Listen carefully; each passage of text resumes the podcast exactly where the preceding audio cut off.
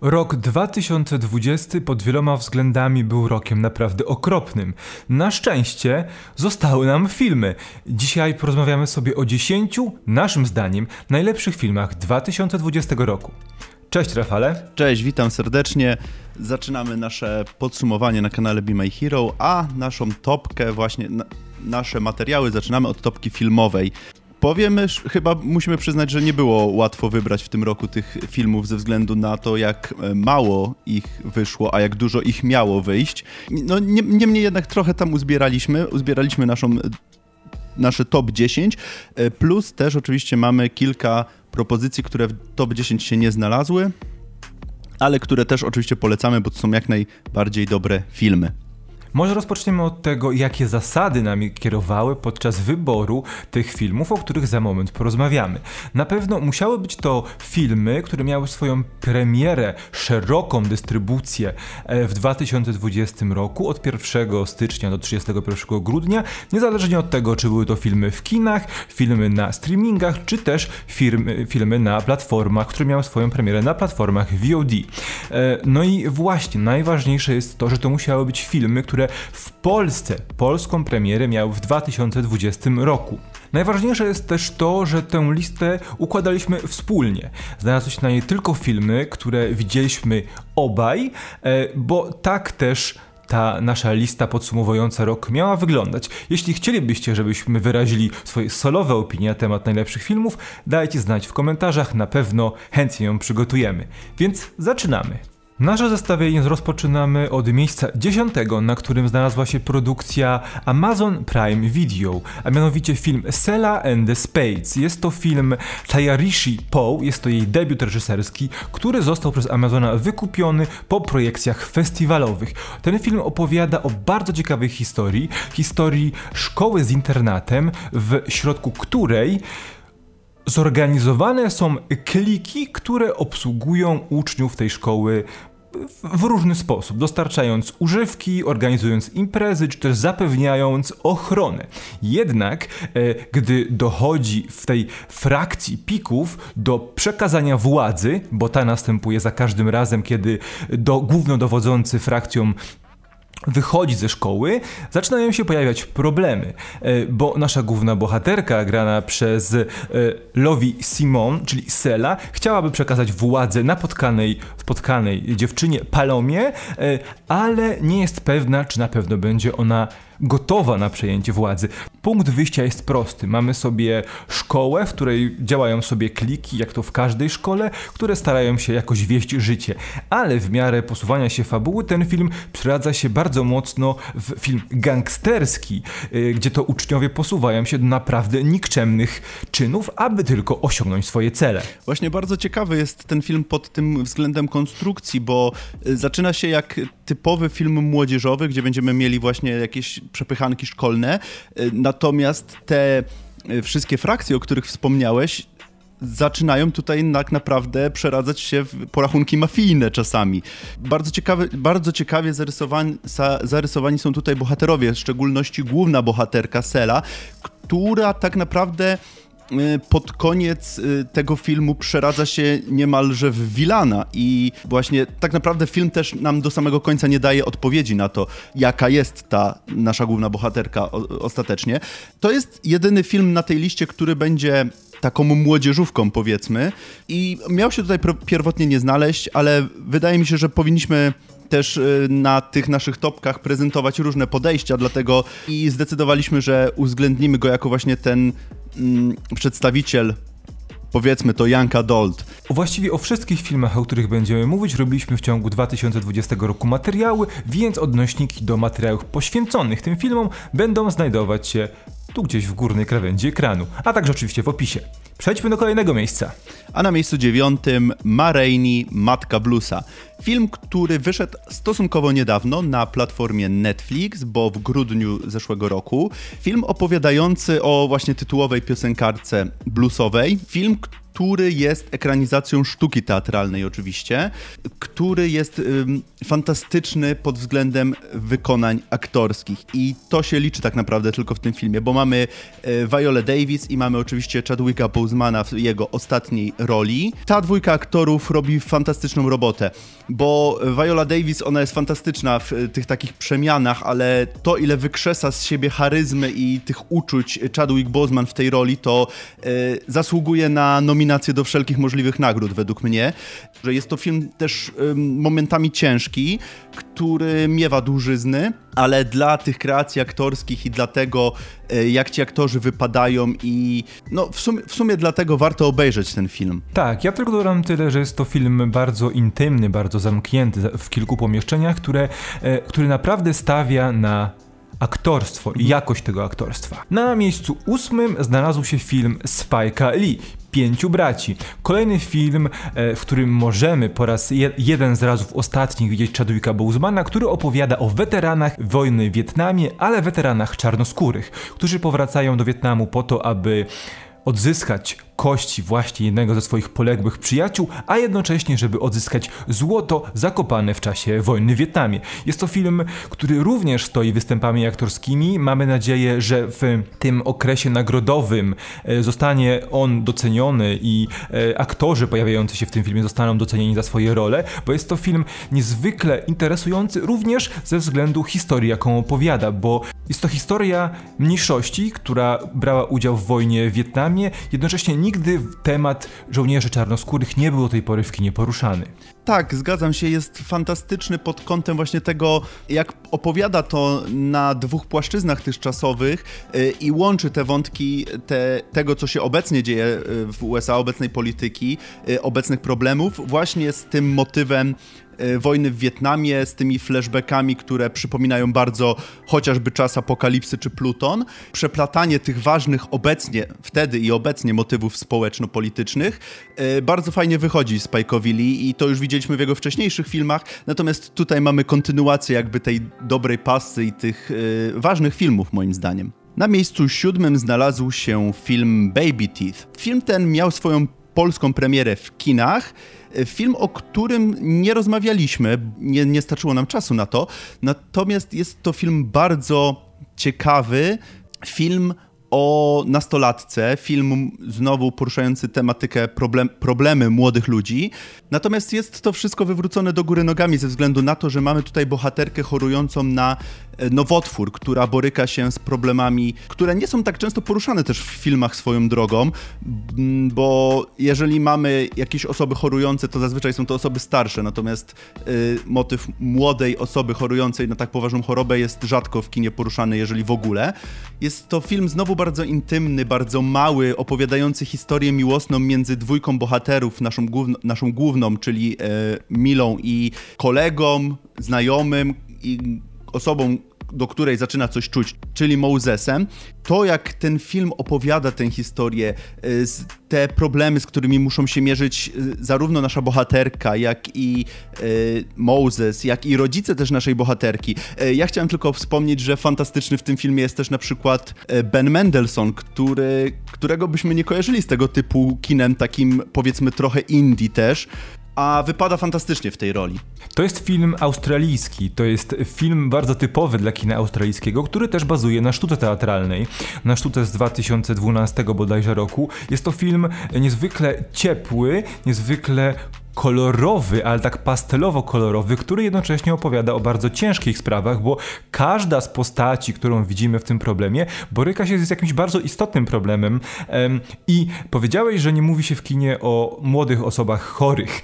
E, wiesz co? No właśnie, wydaje mi się, że to jest film, który przez Hollywood byłby potraktowany jak film e, w stylu tych bazujących na powieściach Toma Greena o młodych nastolatkach, którzy zakochują się w sobie, a oboje są śmiertelnie chory. chorzy. Tak. Tutaj natomiast jest zupełnie inne podejście do tego tematu, bardziej takie e, prawdziwe, ale też takie o wiele mocniej metaforyczne i niedopowiedziane. I chyba to jest największa siła tego wszystkiego, bo, bo mimo choroby, mimo zbliżającego się końca, mimo tych rozterek, jakie nasi, nasi bohaterowie mają, to jest w tym wszystkim jakiś rodzaj nadziei i też zrozumienia, że tak musi się wydarzyć.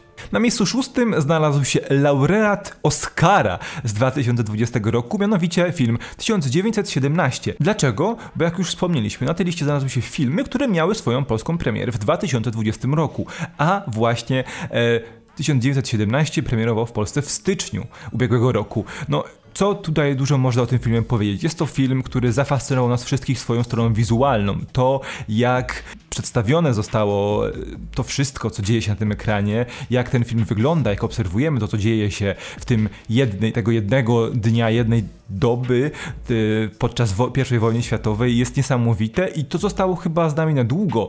I nie tyle aktorstwo, co praca kamery i to, jak, jak, ten, jak ten film wygląda, sprawiają, że zasługuje na to miejsce. Zdecydowanie, jeżeli miałbym do czegoś porównać 1917, to byłaby to Dunkierka Christophera Nolana.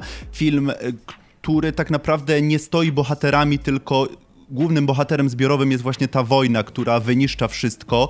E, I oczywiście dodam jeszcze tylko, że e, absolutnie zasłużone, zasłużone nagrody dla Rogera Dickinsa za zdjęcia, bo to jak ten film wygląda, to jak ta wojna jest w tym filmie pokazana, już nie chodzi o samą pracę kamery, która udaje to jakby jedno ujęcie, ale to nas, te nasycenia kolorów, te plenery, to wszystko jak, wy, jak to jest sfilmowane, jak to wygląda, to zasługuje na wszystkie nagrody świata a na miejscu piątym znalazł się Niewidzialny Człowiek. Film z premierą kinową w 2020 roku, w marcu 2020 roku, który ma nam na nowo jakby przywrócić klasyczne potwory Uniwersalu, opowiedzieć historię potworów Uniwersalu e, z nowej, świeższej, tej współczesnej perspektywy. Film, na który ja bardzo, bardzo czekałem, bo e, jestem wielkim fanem zarówno potworów Uniwersalu, jak i Elizabeth Moss. Jest to film, który można określić jednym słowem niepokój, bo jakby wszystko w tym filmie sprowadza się do tego, że i bohaterka, i y, widz obserwujący jej losy są w jednym wielkim niepokoju cały czas i powolne popadanie w, powiedzmy w szaleństwo głównej bohaterki, ale tak naprawdę nie szaleństwo. I to jak nie jest, niejednoznaczny jest to film, to z y, tym, z czym musi się też borykać główna bohaterka, bo ten film porusza bardzo, przede wszystkim bardzo ważny problem, y, problem y, przemocy wobec kobiet, bo nasza bohaterka była przez swojego partnera bita i no, była stosowana wobec niej przemoc to, jak świat reaguje na nią i na to, co, co jakby się dzieje w trakcie trwania filmu, to co robi jej partner, y, to jest też bardzo ważny temat i kolejny z ważnych tematów poruszonym w tym ciężkim roku, który już minął na szczęście.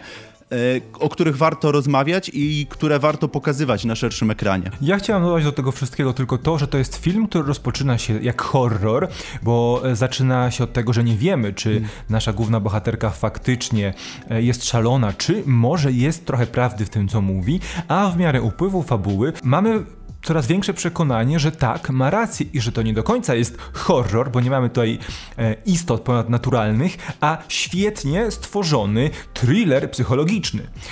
I to chyba jest jedna z najważniejszych rzeczy, która tak naprawdę porusza w tym filmie. Na miejscu czwartym mamy dla Was Nieoszlifowane Diamenty.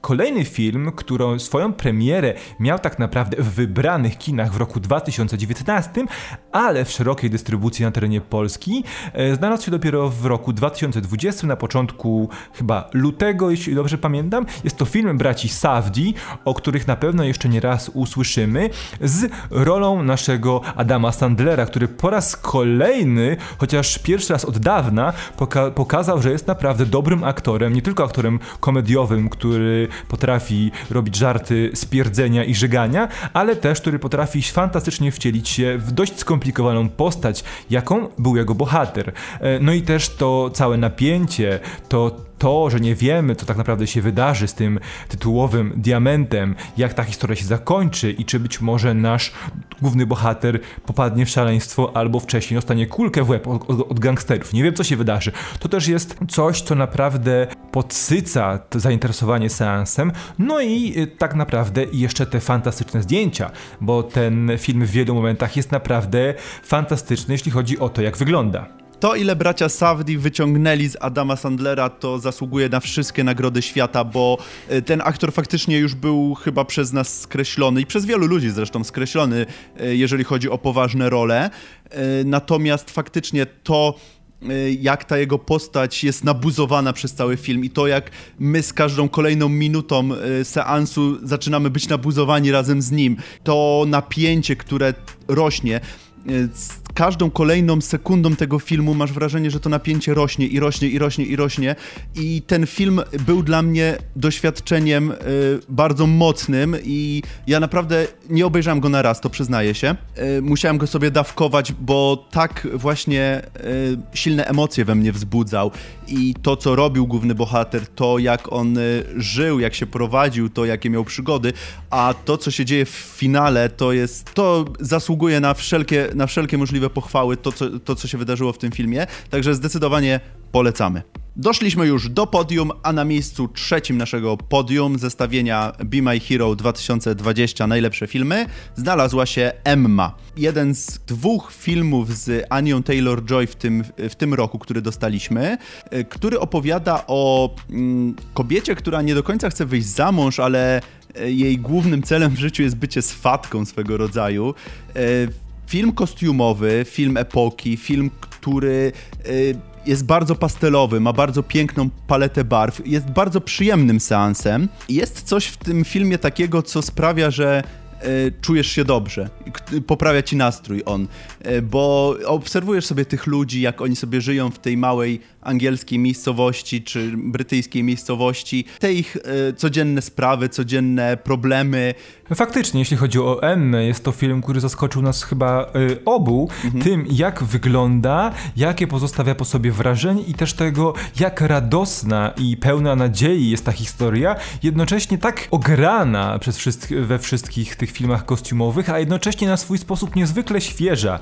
I to chyba to właśnie, to połączenie tego e, znanego nam kostiumowego kina z tą świeżością i trochę nowoczesnością sprawiła, że tak znakomite wrażenie po sobie ten film nam w naszych głowach zostawił. Być może też dlatego, że to jeden z niewielu filmów, który widzieliśmy w 2020 roku w kinie. Może, Ale abstrahując, Emma jest warta, warta polecenia i rola Annie Taylor-Joy tak samo.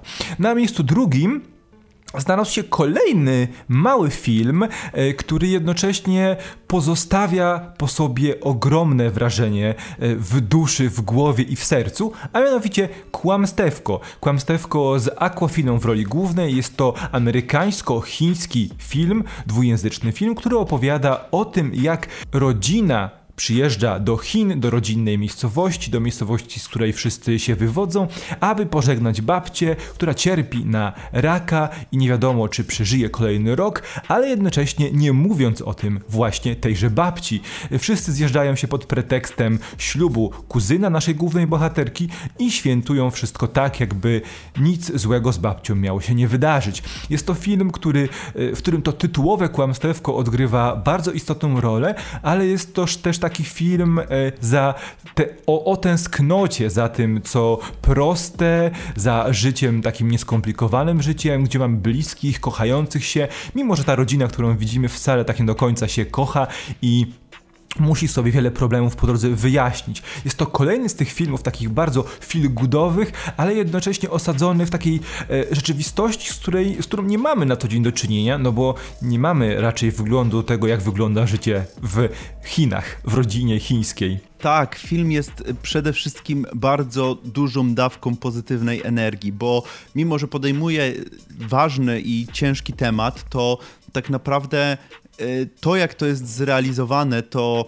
y, jak, ta, jak, jak śledzimy losy naszych bohaterów, to wszystko sprawia, że ten film jest niesamowicie ciepły i jest niesamowicie fajnym filmem takim na, na poprawę nastroju, bo wiadomo, chodzi tutaj o śmierć i, i jakby ten temat śmierci jest tutaj motywem przewodnim, ale jest to wszystko ograne w taki bardzo lekki sposób i faktycznie wydaje mi się, że e, bardzo ciekawe jest to podejście, że jesteśmy właśnie, że to nie jest jakaś rodzina amerykańska, tylko że jedziemy na daleki wschód do Chin i widzimy to wszystko z perspektywy, której na co co dzień nie oglądamy. Totalnie nie oglądamy, bo mamy tam y, różnego rodzaju, oglądamy zwyczaje, właśnie to życie codzienne i to jest y, fantastyczne. Ja chciałem jeszcze tylko dodać, że rola Aquafiny w tym filmie jest fenomenalna i to jest ko kolejna aktorka, którą bardzo chyba będzie warto śledzić w kolejnych latach. Zdecydowanie. Ja chciałem tylko na koniec tego segmentu dodać, że istotny jest też tytuł oryginału The Farewell, czyli pożegnanie,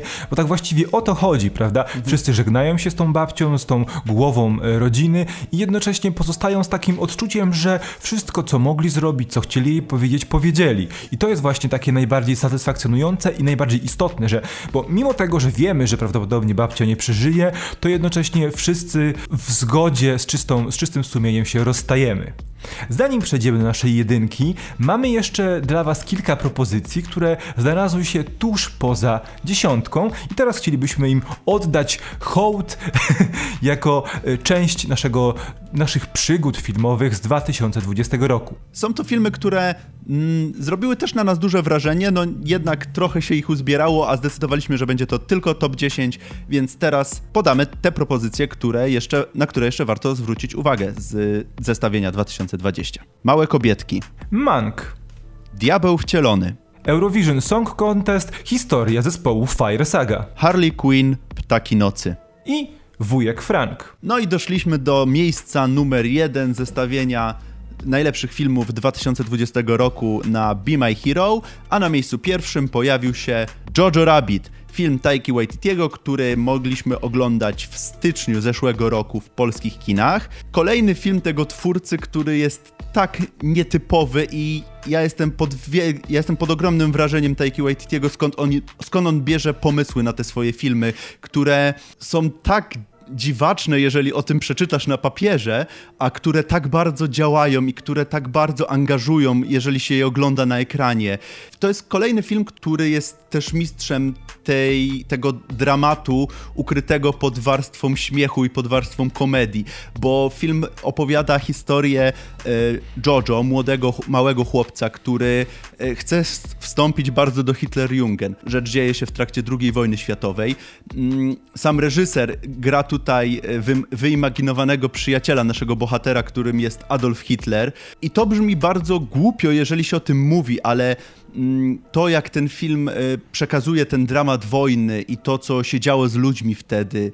E, I nie, nie, mówię tylko o ludziach, którzy byli ofiarami, nie mówię tylko o na przykład Żydach, tylko też na przykład o ludziach, o Niemcach, którzy byli, jak oni byli zmanipulowani przez tą propagandę. Jest to roller coaster emocji. Tutaj mamy y, bardzo dużo momentów, w których naprawdę wybuchałem śmiechem oglądając ten film, ale bardzo dużo momentów, w których tak naprawdę y, no miałem łzy w oczach, bo były to smutne momenty. Fantastyczny Taika Waititi w roli właśnie Adolfa Hitlera, o którym wspomniałem, czy chociażby Scarlett Johansson w roli matki Jojo y, też jest fenomenalna. Tak, jest to to połączenie w filmach Taiki Waititiego, które działa najlepiej, czyli e, prawdziwa, bardzo ciężka i smutna historia, e, jednocześnie połączona z jego surrealistycznym, abstrakcyjnym poczuciem humoru. To działa znakomicie e, i tak naprawdę jest to historia o tym, że wiele rzeczy wystarczy zrozumieć,